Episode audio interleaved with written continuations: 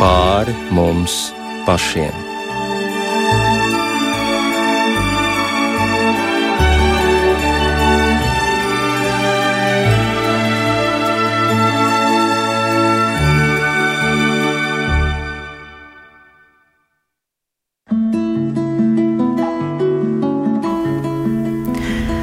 Pareizlaiks ir 22,6 minūtes. Esiet sveicināti raidījumā pāri mums pašiem, lai ir slavēts Jēzus Kristus. Studijā Inte Zēgnere par skanējumu rūpējas Kristaps Seida, bet mūsu raidījuma viesis ir teoloģijas doktors no Šveices, priesteris Andris Marija Jaramanis. Labvakar! Labvakar! Priecājamies, ka jūs esat ieradies Latvijā, un šī vakara saruna, es ceru, mums ļaus paraudzīties uz notikumiem arī mazliet no citas skatu punkta, jo galu galā jūs lasāt Šveices laikrakstus un droši vien skatāties arī Šveicē televīziju dažādus kanālus, kurus varbūt mēs tik labi nepārzinām. Un tā tad no šīs personiskās pieredzes izrietot, kas nāk no citas vides, no cita informatīvā lauka un arī apstākļiem. Bet runāsim mēs šovakar par mieru šajā nemierīgajā laikā. Runāsim no pieredzes, ko atklāja svētie raksti, un centīsimies saprast, kā iespējams šo pārdabisko mieru, ko Dievs apsola, iegūt mūsu pašu dzīvē. Un tātad, ko svētie raksti saka par mieru? Piemēram, ko vecā derība saprot ar vārdu miers?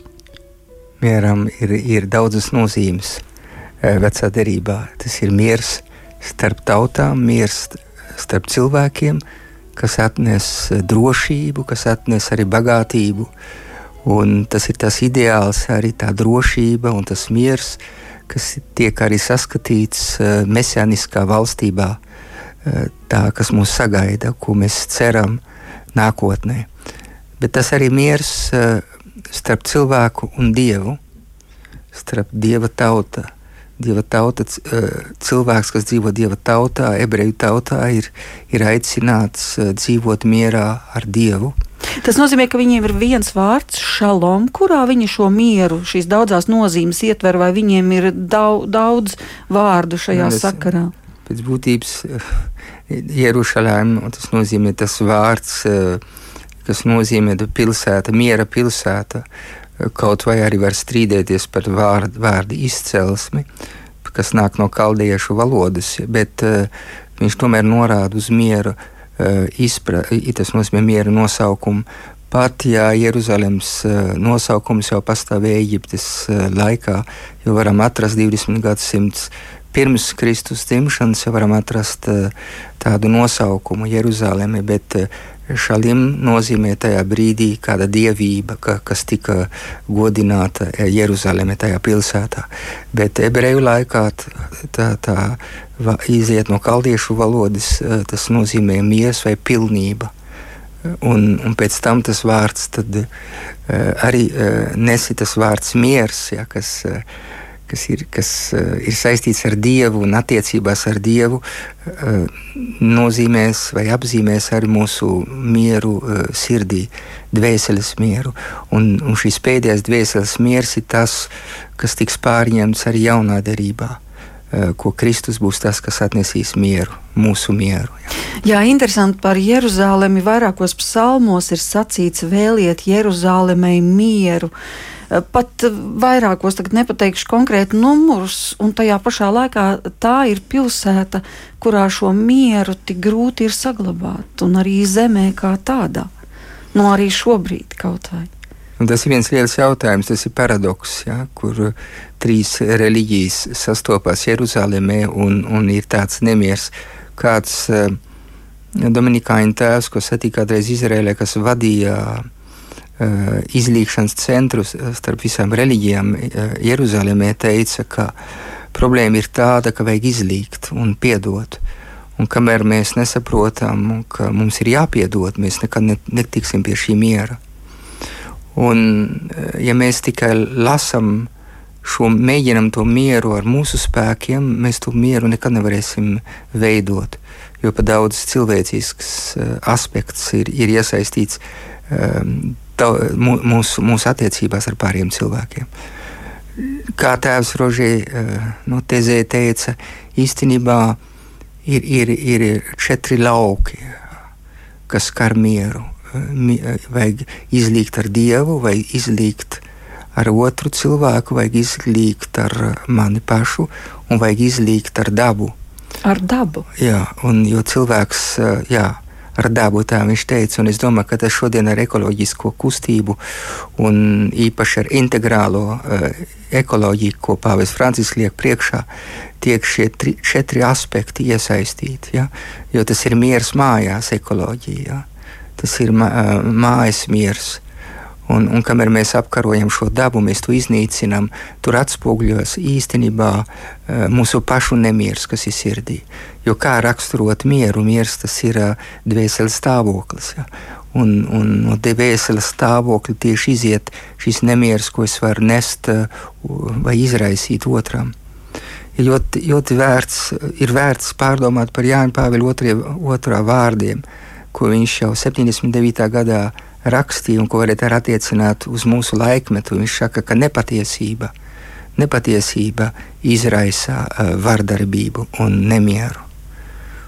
Un, un tā nepatiesība īstenībā uh, ir, ir kā pēdējā laikā uh, vairākās. Uh, arī šeit, pat Latvijā, tika runāts par, par, par nemieru sabiedrībā, kas ir kas tieši radies šajā kontekstā, ko mēs zinām, pandēmijas kontekstā. Um, vai tas būtu uh, arhi, arhibīskaps Vanaks, vai tas būtu arī uh, arhibīskaps Biņevs Stankēvičs, abi, abi biskupi pieskārās pie patiesības jautājuma vai pie nepatiesības jautājuma. Un, un tieši tāpēc arī es pārdomāju un atradu vienu rakstu no Jānis Pāvila II, kur viņš uh, saka, ka, um, ka uh, patiesība ir, patie, ir miera spēks. Ja? Jo nepatiesība uh, kalpo uh, vardarbībai. Un ir, ir, mēs, kad, kad mēs tā izanalizējam, kas ir um, pēc svētiem rakstiem uh, nepatiesības tēvs, ja? jaunais gars, un pretēji tas ir svētais gars, un kādi ir svētā gara augļi, un kādi ir miesas augļi. Tas nozīmē pakļautās pasaules pakļautās pasaules sātanam augļi. Jā, tas viss ir laikam vēstulē galotiešiem, manuprāt, uzskaitīts. Jā, jā. Bet ir jau, protams, arī tādi aspekti kā šaubas un aizdomīgums, neziņa. Tas, protams, viss arī šo nemieru vairo. Bet, nu, tomēr vēl mazliet pakavēsimies pie vecās derības, kur, piemēram, ir sacīts Mūzus grāmatā sešas dienas tev jāstrādā, bet septītajā dienā tev jābūt mierā. Un tālāk vēl turpinājums arī arāmā un pļaujamā laikā tev jāiet tur miers. Tur nav sacīts, tev jāatpūšas, bet tev jābūt mierā. Tad, ko viņi pēc savas tradīcijas, no arī tīri bibliskā aspekta, ko viņi saprata ar bet šo tā, vārdu jābūt mierā? Tā septītā diena vai tā, vai tā diena, kad Dievs atpūtās, tā diena, kad Dievs atpūtās, eh, tā ir diena, kad mēs atceramies, ka viss ir Dievam, eh, ka viss nāk no Dieva. Jo, jo tas, tas mums jāiet atpakaļ uz radīšanas grāmatas. Un radīšanas grāmatā tiek īstenībā doti pamati arī, lai mēs izprastu mieru un nemiera cēloni. Dievs septītā dienā, tad, kad viņš ir radījis visu, viņš piepilda to un atpūšas ar savu mieru un tas miers tiek dāvināts pasaulē. Un, uh, kas notiekās, ja mēs izējām no šī apraksta, kad Ādams un Ieva gribēja iziet no šī miera. Un viņi gribēja iziet no šī miera, uh, izējot no, no, no patiesības. No kādas patiesības? Ka viņi ir Dieva bērni. Viņi gribēja paši būt kā dievi. Un kas iedzina šīs šaubas? Nemieris sākās ar šaubām šaubām pret patiesību, pret eh, šo kārtību. Un tas ir Sātans, kas viņam saka, jūs būsiet kā dievi. Dievs jau eh, jums, Dievs, eh, jūs drīkstiet ēst no šī koka. Ir tāds psiholoģisks pamats ļauna, ļaunuma psiholoģijai. Jo daudz ir, ir, ir izanalizējuši šo tekstu gan no filozofiskās puses, gan arī no, no, no psiholoģiskās puses, kā ļaunums iedarbojās. Ja. Un, un īstenībā vienmēr ir viens kārdinātājs. Un tas kārdinātājs te mēģina ievest nepatiesībā. Un tad, kad Ādams un Ieva iet nepatiesībā, tad tā nepatiesība ir tāda, kad es neatzīstu, ka es esmu Dieva radība un kad es esmu Dieva dēls, tad izjūg šī harmonija. Un šī harmonija izjūg ar Dievu, un tad ar otru, starp Ādamu un Ievu izjūg miers. Un starp, un starp cilvēku un dievu izjūg miers, cilvēks slēpjas no dieva.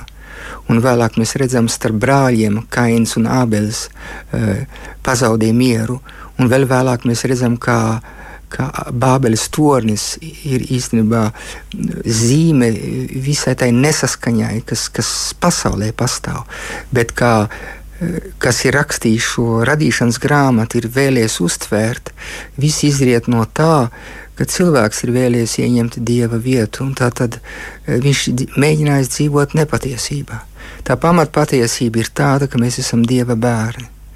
Un apustulis Pāvils, kad viņš runā par izlīgšanu, viņš runā par samierināšanu ar Dievu, kas mūs attaisnos. Un, un, un tur tāpēc viņš arī teiks, Kristus ir mūsu miers. Viņš man, mans miers. Viņš ir tas, kas man, mani ievedīs atkal šajā komunijā ar Dievu, no kuras cilvēks bija izgājis. Tad, kad viņš aizmirsa, ka viņš ir Dieva bērns un viņš kļuva par vergu. Un kas man padarīs par, par brīvu cilvēku, Jo dēls nozīmē būt brīvam.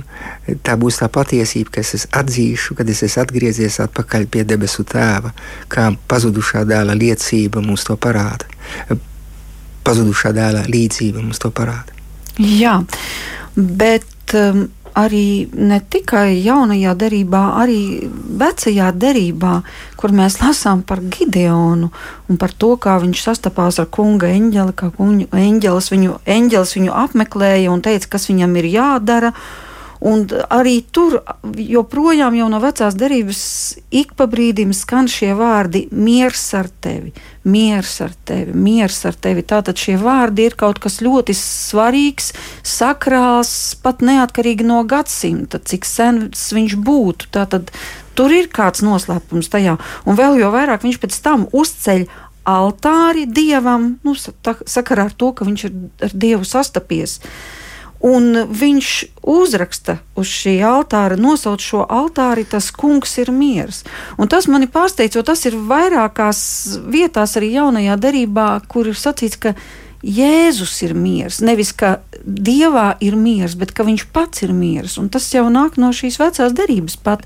Kā jūs to varētu skaidrot? Nē, es domāju, ka jaunā derība bez vecās derības nav izskaidrojama. Nu, jā, bet Vecā derība tas, jā. sagatavo jauno derību, un viņi piepildīja. Jā, bet tas kungs ir miers. Nevis kungā ir miers, bet viņš pats ir miers. Viņš pats ir miers, jo viņš ir būtībā miers. Jā, bet ko tas nozīmē? Tas miers, tas ir tā harmonija, tā, eh, tā, tas līdzsvars pilnīgs līdzsvars, kas ir Dievā, jo Viņš ir mīlestība. Viņš ir pilnīgā mīlestība. Jo miers un mīlestība iet kopā. Uh, to ļoti labi uh, arī atrodam svētos rakstos, bet arī to parā pasvītroja Māte Terēza no Kalkutas brīnišķīgā veidā, ka uh, miera darbi ir mīlestības darbi. Un mēs vienmēr atgriežamies atpakaļ pie tā, ka, ja tu vēlies dzīvot laimīgs, tas nozīmē harmoniski un mierā, tev ir jāatgūst šis līdzsvars ar Dievu. Tev jāatnāk atpakaļ pie tava pamata aicinājuma. Katreiz, kad tu vēlies ieņemt to vietu, kas, kas tev nepienākās, tas nozīmē, ka tu vēlies būt autonoms, pilnībā neatkarīgs, ka tu aizmirsti to būtisko saikni, tu zaudē tavu mieru, un tu vairs neesi attaisnots un tu tiksi attaisnots, tas nozīmē samierināts. Ja tu izlīksi ar Dievu, tad, kad tu ieies atpakaļ šajā bērna statusā, kas tev tiks dots Kristū. Jā, bet cik interesanti. Tagad nepateikšu tieši, kur es to lasīju, bet ir tāda versija, ka, nu, kā piemēram, ļoti daudz cilvēki iztiek, nu kā iztiek, nu iztiek, sacīsim tā, iztiek bez dieva. Viņiem viss ir, viņiem viss ir labi, viņiem nav nekādas nepieciešamības vēl kaut ko meklēt. Bet viņos ir nosacīts labklājīgs miers. Nu, nav tur nekāda stresa ne par to, kā, kā būs rīt, ne par parītni. Viņos ir miers, prieks un harmonija. Bet tajā pašā laikā, tajā rakstā tika teikts, ka cilvēki, kas seko dievam, bieži vien piedzīvo nemiera uzbrukumus, kas nāk no tās ļaunās puses. Viņi tiek mēģināti izsist no tā garīgā stāvokļa, kurā viņi atrodas. Nē, vispirms atbildēt uz, uz pirmā uh, novērojumu. Es neticu, ka uh, nepastāv cilvēki, kas nemeklētu. Cilvēkai ir dziļi ierakstīta šī, šī vēlme uh, pēc jēgas. Ja. Un, un, vēlme atbildēt uz, uz ļaunuma problēmu un atbildēt ar uz ļaunumu problēmu, kas ir tavā sirdī, un arī šī būtiskā ļaunuma problēma, kas ir nāve. Nepastāv cilvēki, kuri nebaidītos no nāves. Tas neeksistē.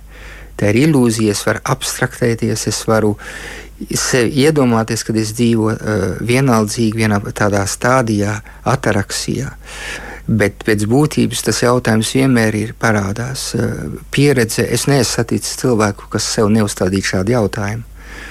Un eh, jēgas eh, jautājums ir būtisks jautājums. Viņš nekad mūs neatstāj mierā.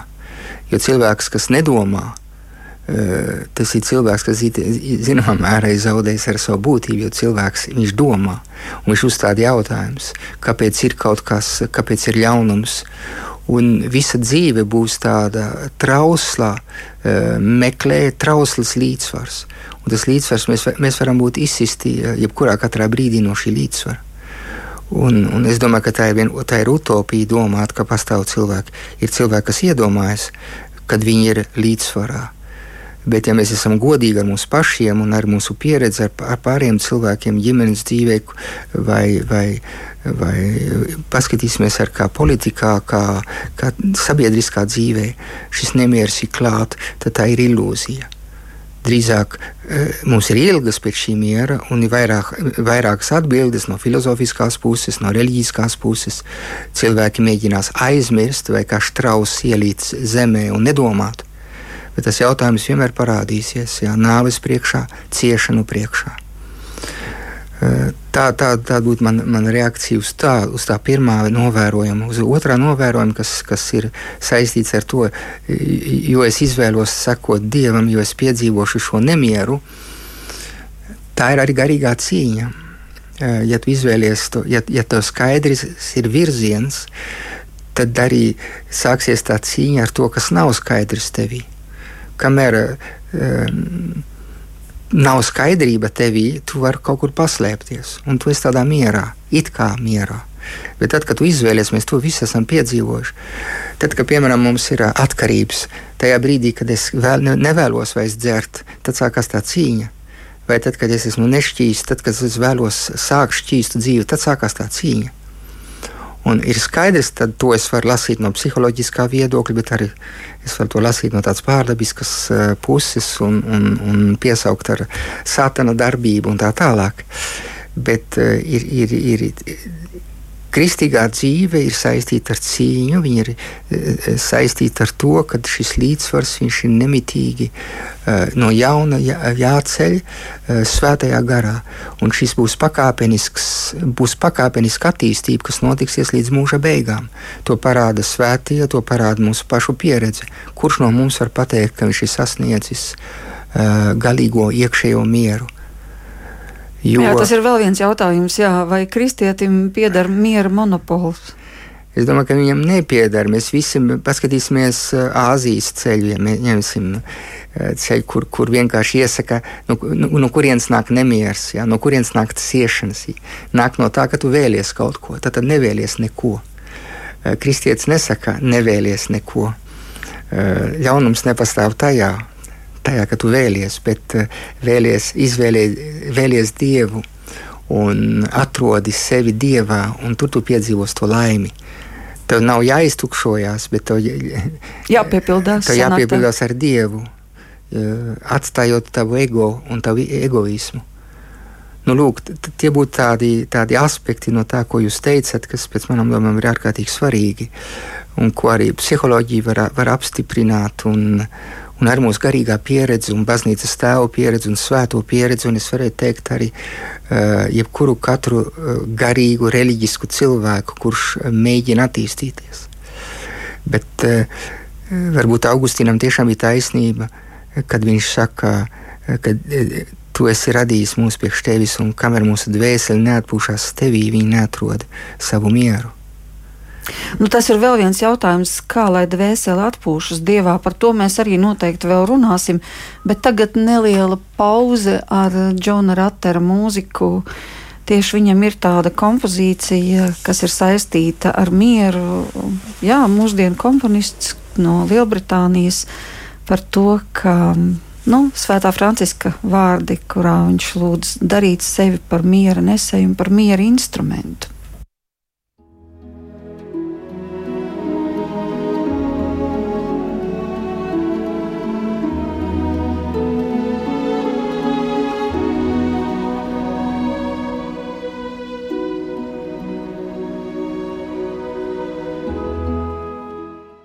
Atgādināšu, ka mūsu studijā šovakar ir teoloģijas doktors no Šveices, priesteris Andris Marija Jermanis, un tomēr vēl viena epizode no vecās derības, kur Dievs runā ar savu tautu un saka patiesībā ārkārtīgi skaistus vārdus. Tā ir Jesajas grāmata 54. nodaļa, kur viņš saka, tu saliek tā dzīves vētru daudz mētātā un nekad neiepriecinātā Redzi, es likšu tavus akmeņus zināmas rotas rakstā, safīrus tev pamatos, celšu tavus torņus no kristāla un vārtus no rubīniem. Nu, ar vienam ļoti skaistu apsolījumu. Un tālāk ir ļoti būtisks teikums: visi tavi dēli būs tā kunga mācīti, un liels būs tavu dēlu miers. Ko šajā gadījumā nozīmē šis miers? Šeit vispār, vispirms mēs esam apsolījuma kontekstā. Dievs apsola. Viņš apsola mm. tādu, un, un, un tas, kas ir arī skaisti, ka mēs to jaunā derībā atrodam svētībās, ja, kad, kad, um, kad Kristus uh, saka, ka uh, svētīgi ir uh, miera jo viņus, viņi sauksies Dieva bērni. Un, un, uh, es domāju, ka ir vērts padomāt par to, ka Eh, eh, ka, lai būtu par dieva bērnu, mums jābūt par miera nesējiem. Tas arī tas, kas mūs raksturo. Un, un vēlna bērns ir tas, kas sēž, tas var būt radikāli pateikt, šī, opozīcija, tas, kas sēž nemieru. Un, un bieži vien mēs neesam dieva bērni, jo mēs, mēs neizstarojam šo mieru.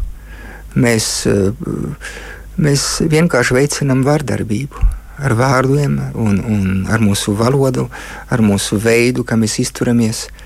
Un, un mēs neveicinām šo mieru arī eh, sabiedrībā ap mums, vai tas būtu baznīcā, vai ārpus baznīcas, vai tas būtu politikā. Eh, šī, šī nepatiesība īstenībā, eh, šī, šī neatklātība, šī, šī sirds um, dubultspēle, ko mēs arī nemitīgi spēlējam, šī, šī, šis necaurspīdīgums, kā saka Jānis Pāvils II, veicina vardarbību.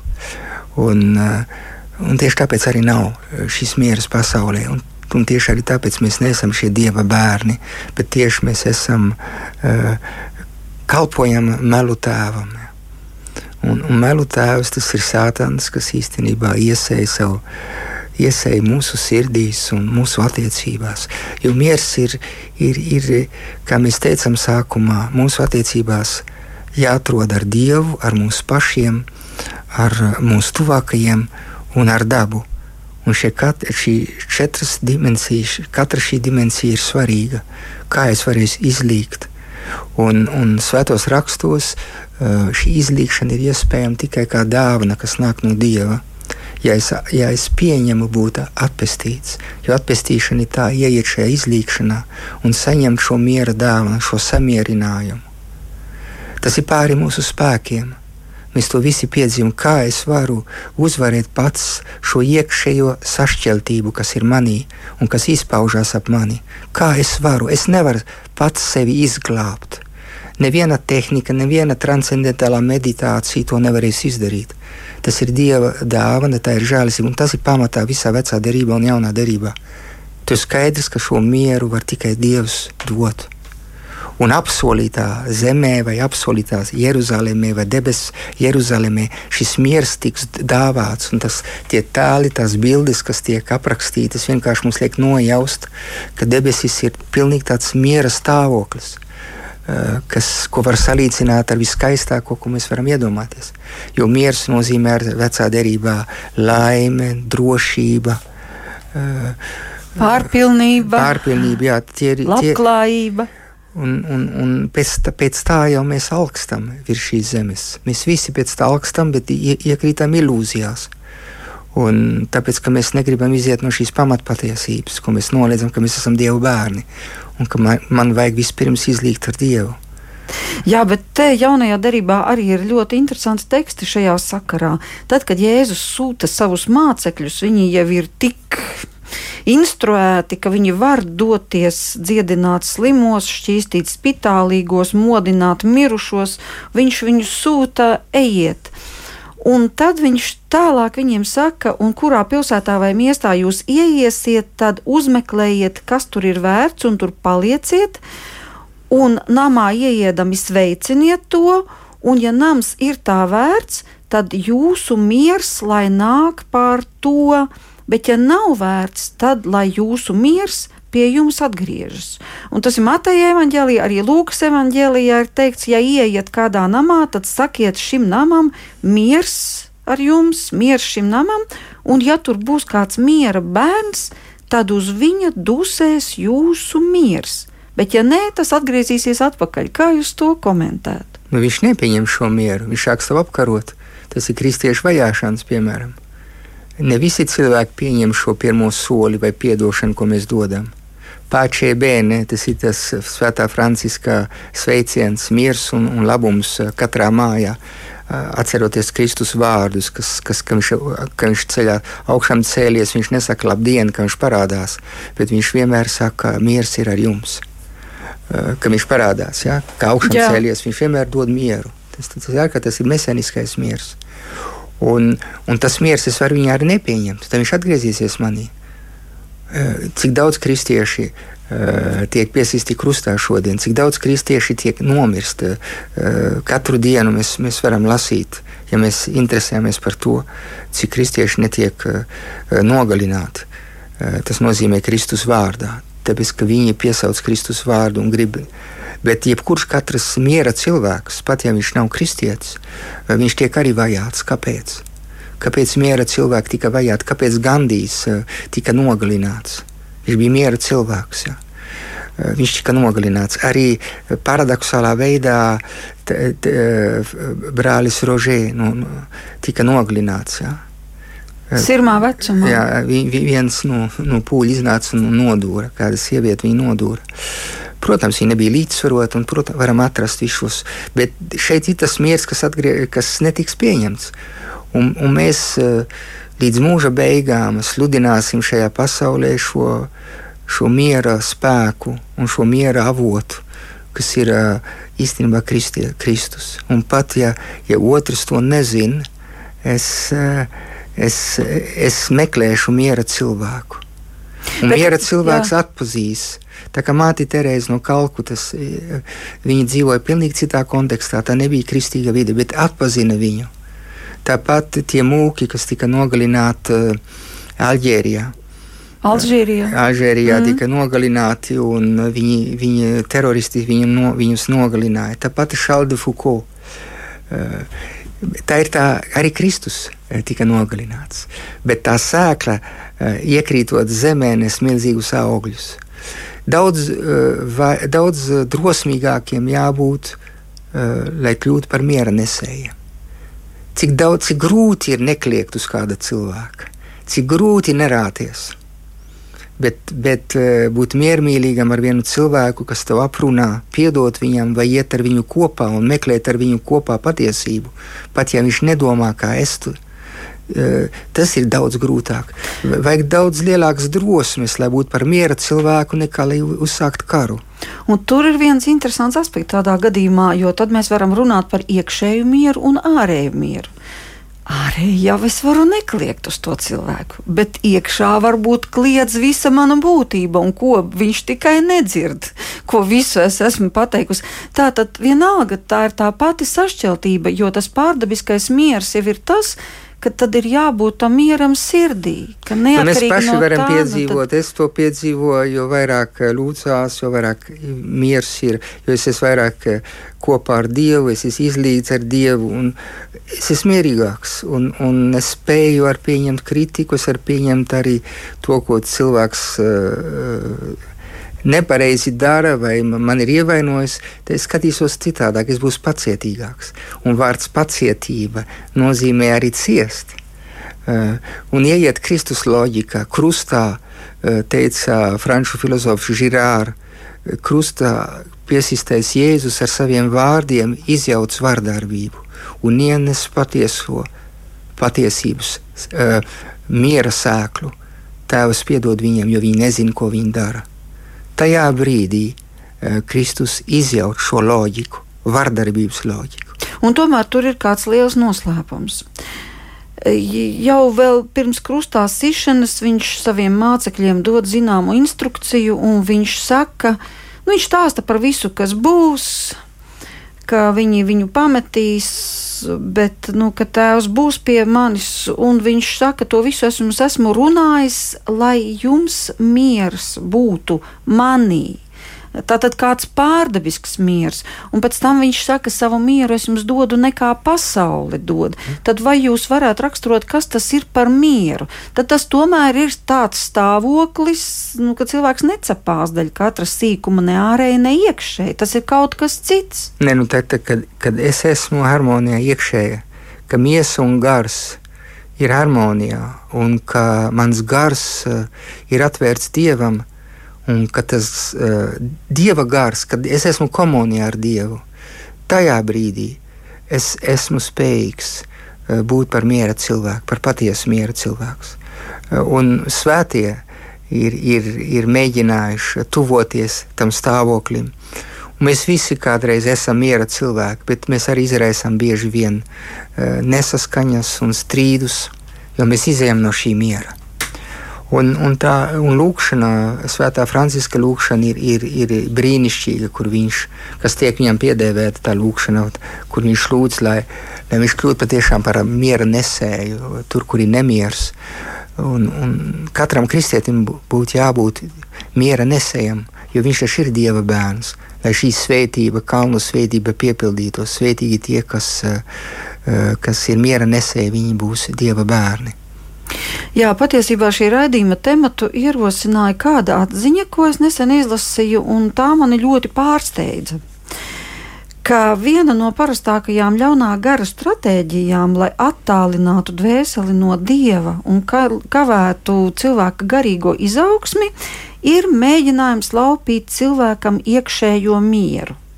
Un Lorenzo Skopoli, viens no 16. gadsimta garīgās dzīves skolotājiem, sacīja, ka ļaunais gars velta visas pūles, lai aizdzītu mieru no cilvēku sirdīm, jo viņš zina, ka Dievs mājo tur, kur valda miers, un tur viņš dara lielas lietas.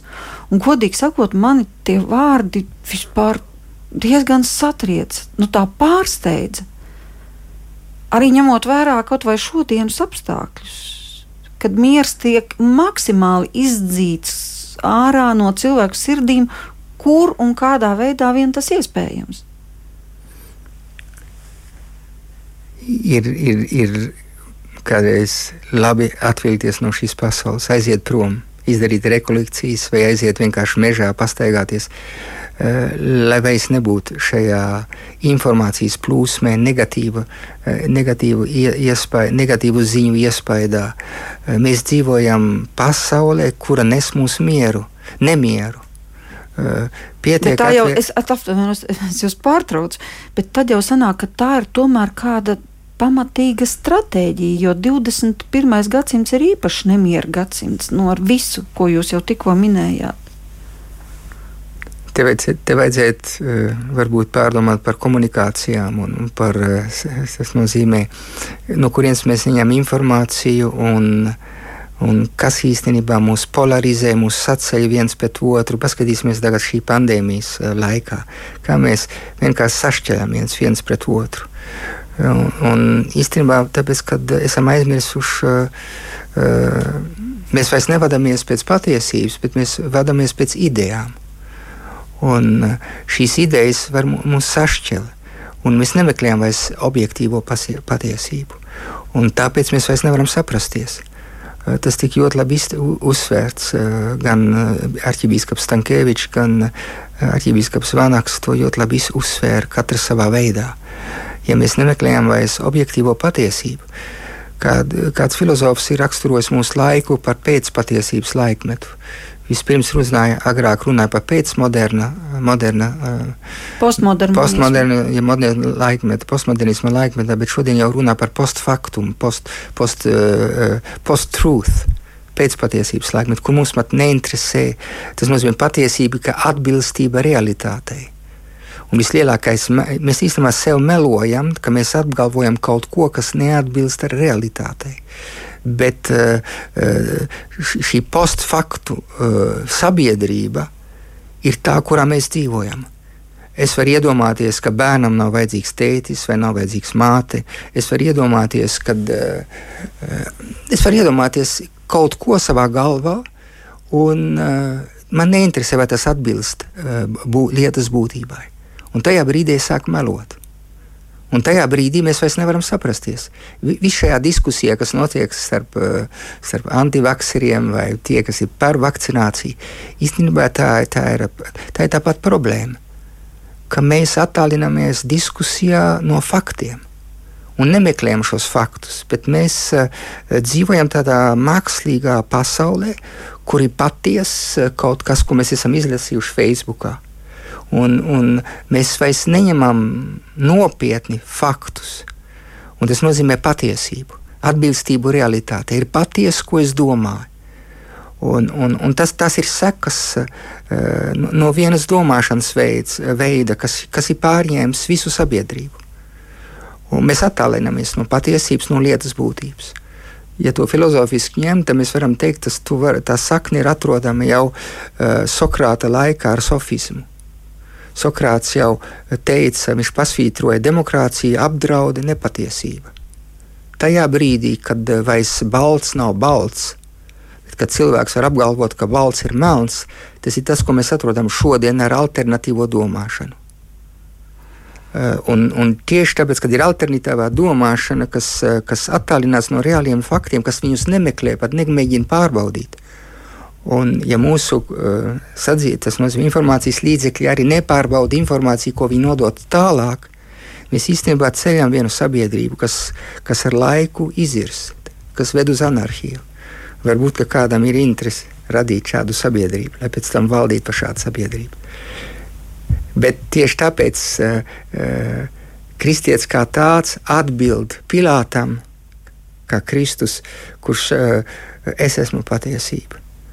Un, un Pilārs, kas ir mūsu laikmeta cilvēks, atbild, kur ir patiesība? Kas ir patiesība? Tas ir relativists, kas uzskata, ka vairs nekas nav drošs. Tad es varu iekrist uh, tādā šaubu uh, sabiedrībā. Ja es sāku apšaubīt katru cilvēku, tad es apšaubu arī iespēju uh, paļauties uz otru. Tad es vairs nevienam neusticos. Un tāpēc es arī neusticos. Tā ir tāda mentalitāte, kas tika radīta. Es neusticos ārstiem, es neusticos medijiem, tas nozīmē zinātnē, es neusticos varai, es neusticos priesterim vai baznīcai. Es vairs nevienam neusticos. Un beidzot, es arī neusticos sev pašam. Tāpēc, kad es vairs nezinu, kur ir patiesība, un tad es uzticos tikai savam murgam, jeb to, ko es iedomājos. Un tajā brīdī mēs esam nonākuši pie, pie hausa. Tas nozīmē, ka mēs vairs nevaram satikties. Un, un, un to, to uh, Sokrāts jau to bija izcēlis jau pirms, pirms tik, tik nu, vairāk, pat gandrīz 2500 gadus atpakaļ. Un tā problēma nav jauna, tā ir vienmēr bijusi. Un šodien uh, arī šī krīze, kas ir pandēmijas laikmets, kurā mēs dzīvojam, Pāvils Francisks uzrakstīs ļoti labu grāmatu par, par, par šo laikmetu. Uh, Eh, un viņš ir eh, pielietojis trīs tādus skatienus. Viņš saka, vispirms apskatīsim realitāti, tad izvērtēsim un tad rīkosimies. Un, un viņš saka, šī, šī, šis laikmets, šī krīze, kā mēs atbildam, kā mēs sašķelamies, vienkārši parādīja, ka jau mēs bijām sašķelti. kādā sabiedrībā mēs jau dzīvojam. Un, un kad mēs varam izmantot šo, šo, šo laikmetu, lai tiktu ārā no šīs krīzes un lai radītu sabiedrību, kur mēs iesim, mēs mēģināsim veidot vienu sabiedrību, kur mēs varēsim atkal saprasties. Jā, interesants svētajos rakstos jau tas ir teikts eh, par to, ka ik viens nams, kurš ir sašķelts, nevar pastāvēt. Tā kā arī tas pat nav, arī šie vārdi ir Bībelē atrodami, bet nu tomēr. Tad ir jautājums, kā iegūt šo mieru, ko Jēzus dod. Nu, tas ir pārdabisks miers, tas nav mūsu. Nu, pasaulīgie līdzekļi būtu elpošana, pastaigas, antidepresanti, varbūt apreibinošas vielas. Pieņemami, ja, bet Visi nav, nav pieņemami. Nē, nu, protams, apreibinošas vielas. Nē, protams, nav. Viņi izlaidīgi. nu, nu, nē, labi, nu, bet tie ir pasaulīgi. Nu, skatīsimies tā, bet kas tad ir tas pārdabiskais miers, ko Jēzus apsola? Nu, viņš taču saka, ka viņš dod ne tā kā pasauli. Nu, tā, tas pārdabiskais miers ir tas, kad uh, viņš man piesola, viņš man apsola apsola uh, vienotību ar viņu. Vienotība ar Dievu uh, dod iespēju radīt vienotību ar mani, radot vienotību manī, manā sirdī. Bet kā es varu tikt pie šī pārdabiskā miera? Varbūt ir kaut kādi vismaz soļi, kā tuvoties. Meklēt Dievu, meklēt šo, šo, šo, meklēt šo visu sākumu. Uh, ja es neesmu ticīgs vai kristietis, meklēt, meklēt, neapstāties. Ar Gandijs teica, ej kopā ar to cilvēku, ka, kuram ir cits viedoklis, bet meklē ar viņu kopā šo patiesību. Varbūt šodien mēs gribam uzspiest uh, arī mūsu patiesību. Varbūt jā, iemā, jāiemācās iet kopā ar otru cilvēku un jāieklausās viņā. Un, bet jābūt no otras puses vēlme uh, būt godīgam. Tas nozīmē meklēt, meklēt patiesību, tas nozīmē atbilstību realitātei atbilstītu faktiem. Kādreiz eh, pirms pāris gadiem kāds austriešu vēsturnieks tika notiesāts par to, ka viņš um, sāka rakstīt, ka uh, īstenībā um, koncentrācijas nometnes nekad nav eksistējušas, vai ebreji nekad nav bijuši vajāti. Tas ir tikai izgudrojums. Viņam arī atņēma uh, profesora uh, amatu, laikam, austrietis bija. Un, un tad var, no vienas puses varēja pateikt, nu jā, tā, jābūt tas nozīmē iecietīgam. Katrs cilvēks var jau domāt, ko viņš grib. Bet ja, tomēr jāmeklē atbilstību, atbilstību realitātei. Un, un, ja mēs dzīvojam pēc faktu, faktu sabiedrībā, tad mēs varam arī nonākt pie tā, ka mēs varam apgalvot, ka Staļins nekad nav nogalinājis tik daudz cilvēku, ka viņš nekāds briesmos nav bijis. Un to arī daži cilvēki to saka. Vai Hitlers, vai tie, kas naciķi, kas, kas uh, izceļ uh, viņa varoņu darbus, uh, aizmirst visu to negatīvo, kas ir ticis izdarīts.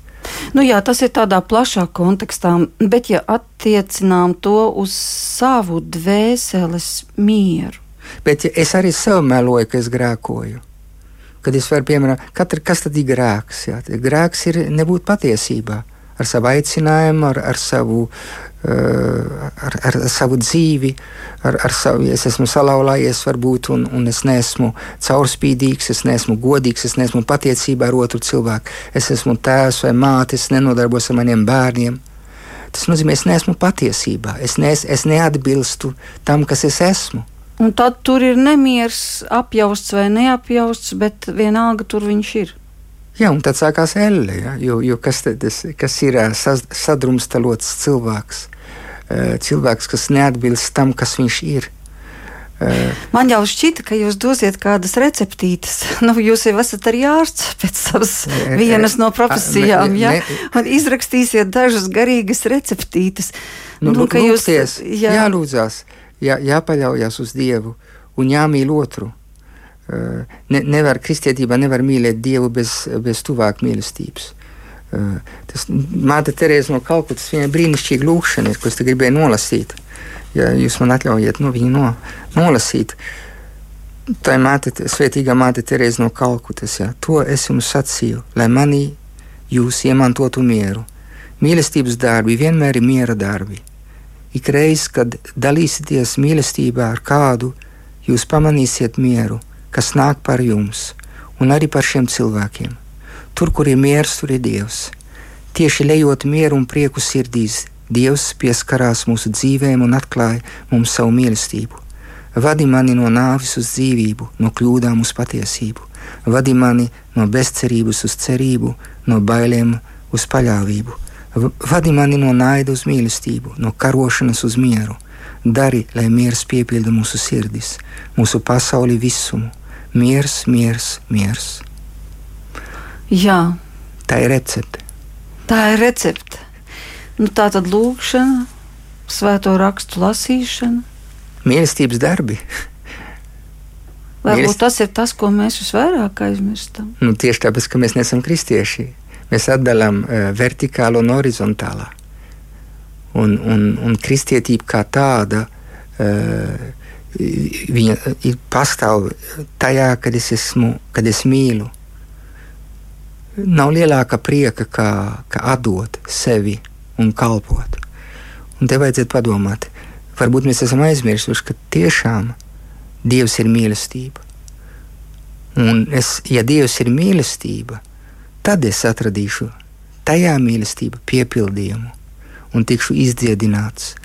Un spēšu, spēšu arī mīlēt citus cilvēkus, un arī viņus mīlēt, kā Kristus ir mīlējis. Jā, vai tas varētu būt arī mūsu ticības jautājums, jo viņš ir pateicis savu mieru es jums dodu. Dievišķu mieru, un ka šiem vārdiem ir tikpat liels radošs spēks, kā tam vārdam, ar ko ir radīta debesis un zeme, un ka tāds pats uh, svars kā tiem vārdiem, ar kur viņš nomierināja vētru, un viņš vairākas reizes to atkārto, ka viņš dod savu mieru, tad varbūt tas ir mūsu ticības jautājums.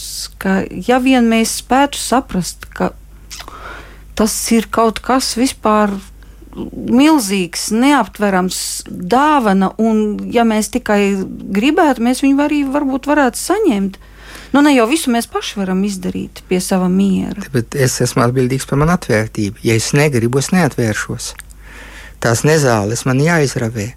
Eh, kad labais sējais, sējais iziet, Kristus jau pa, eh, to līdzību dod, ja, kas, kas sēkla var iekrist uh, sausā zemē, viņi var iekrist arī tur, kur ir nezāles, vai var, viņi var arī iekrist labā zemē un nes tik daudz augļus. Un tā ir mana līdzdarbība Dieva žēlastībai.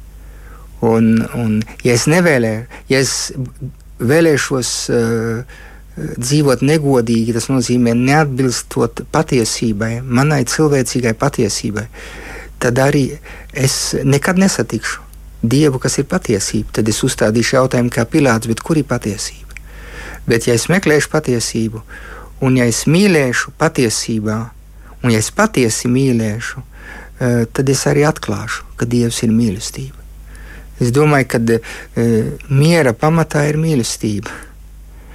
Un kad eh, ja mēs mīlam viens otru, tad arī miers iestājās mūsos. Jo, ja es mīlu, es spēju piedot, ja es mīlu, es spēju arī uh, pieņemt kaut ko, kas uh, man ir grūti pieņemt, pieņemt arī, kad otrs ir pārāks par mani, uh, neaprunāt otru cilvēku, izdarīt pirmo soli. Ja tieši tāpēc, kad es mīlu, es spēju spērt ar varbūt pirmo soli un ar lūgt atdošanu, un ar eh, apsēsties pie galda un atteikties un parakstīt vienu līgumu starp valstīm, starp cilvēkiem, un, un eh, kā to parādīja ar pagātnē. Eh, Šveicis, Šveici nodibināja viens svētājs, ja? Nikolai de la Flue, Nikolais no Flues, pirms 800 gadiem. Viņš bija ģimenes tēvs, bija politiķis un izvēlējās dzīvot kā, kādu laiku arī kā vientuļnieks. Pie viņa nāca gan no Dienvidvācijas, no Ziemeļa Itālijas, nāca, lai, lai atrastu atbildes un arī izlīgtu cilvēki un arī politiskie, uh, tas nozīmē to laiku uh, uh, valdnieki. Un, un viņš vienmēr viņš uzrakstīja arī to zināmā mērā iedvesmoja šo Šveices konstitūciju tieši balstoties uz šo miera principu, ko viņš atrada Kristū. Tā ka nav tā, ka tā ir utopija. Varbūt mēs paši kā kristieši nedzīvojam kā kristieši. Tas nozīmē, kā miera cilvēki. Nu, tas nozīmē, ka mums ir uz ko tiekties. Paldies! Man jāsaka teoloģijas doktoram no Šveices, priesterim Andrim Marijai Jermanim, ka bijāt kopā ar mums šajā vakarā. Radio studijā bija arī Inte Zēgnere, par skanējumu rūpējās Kristaps Eida. Līdz nākošajai svētdienai!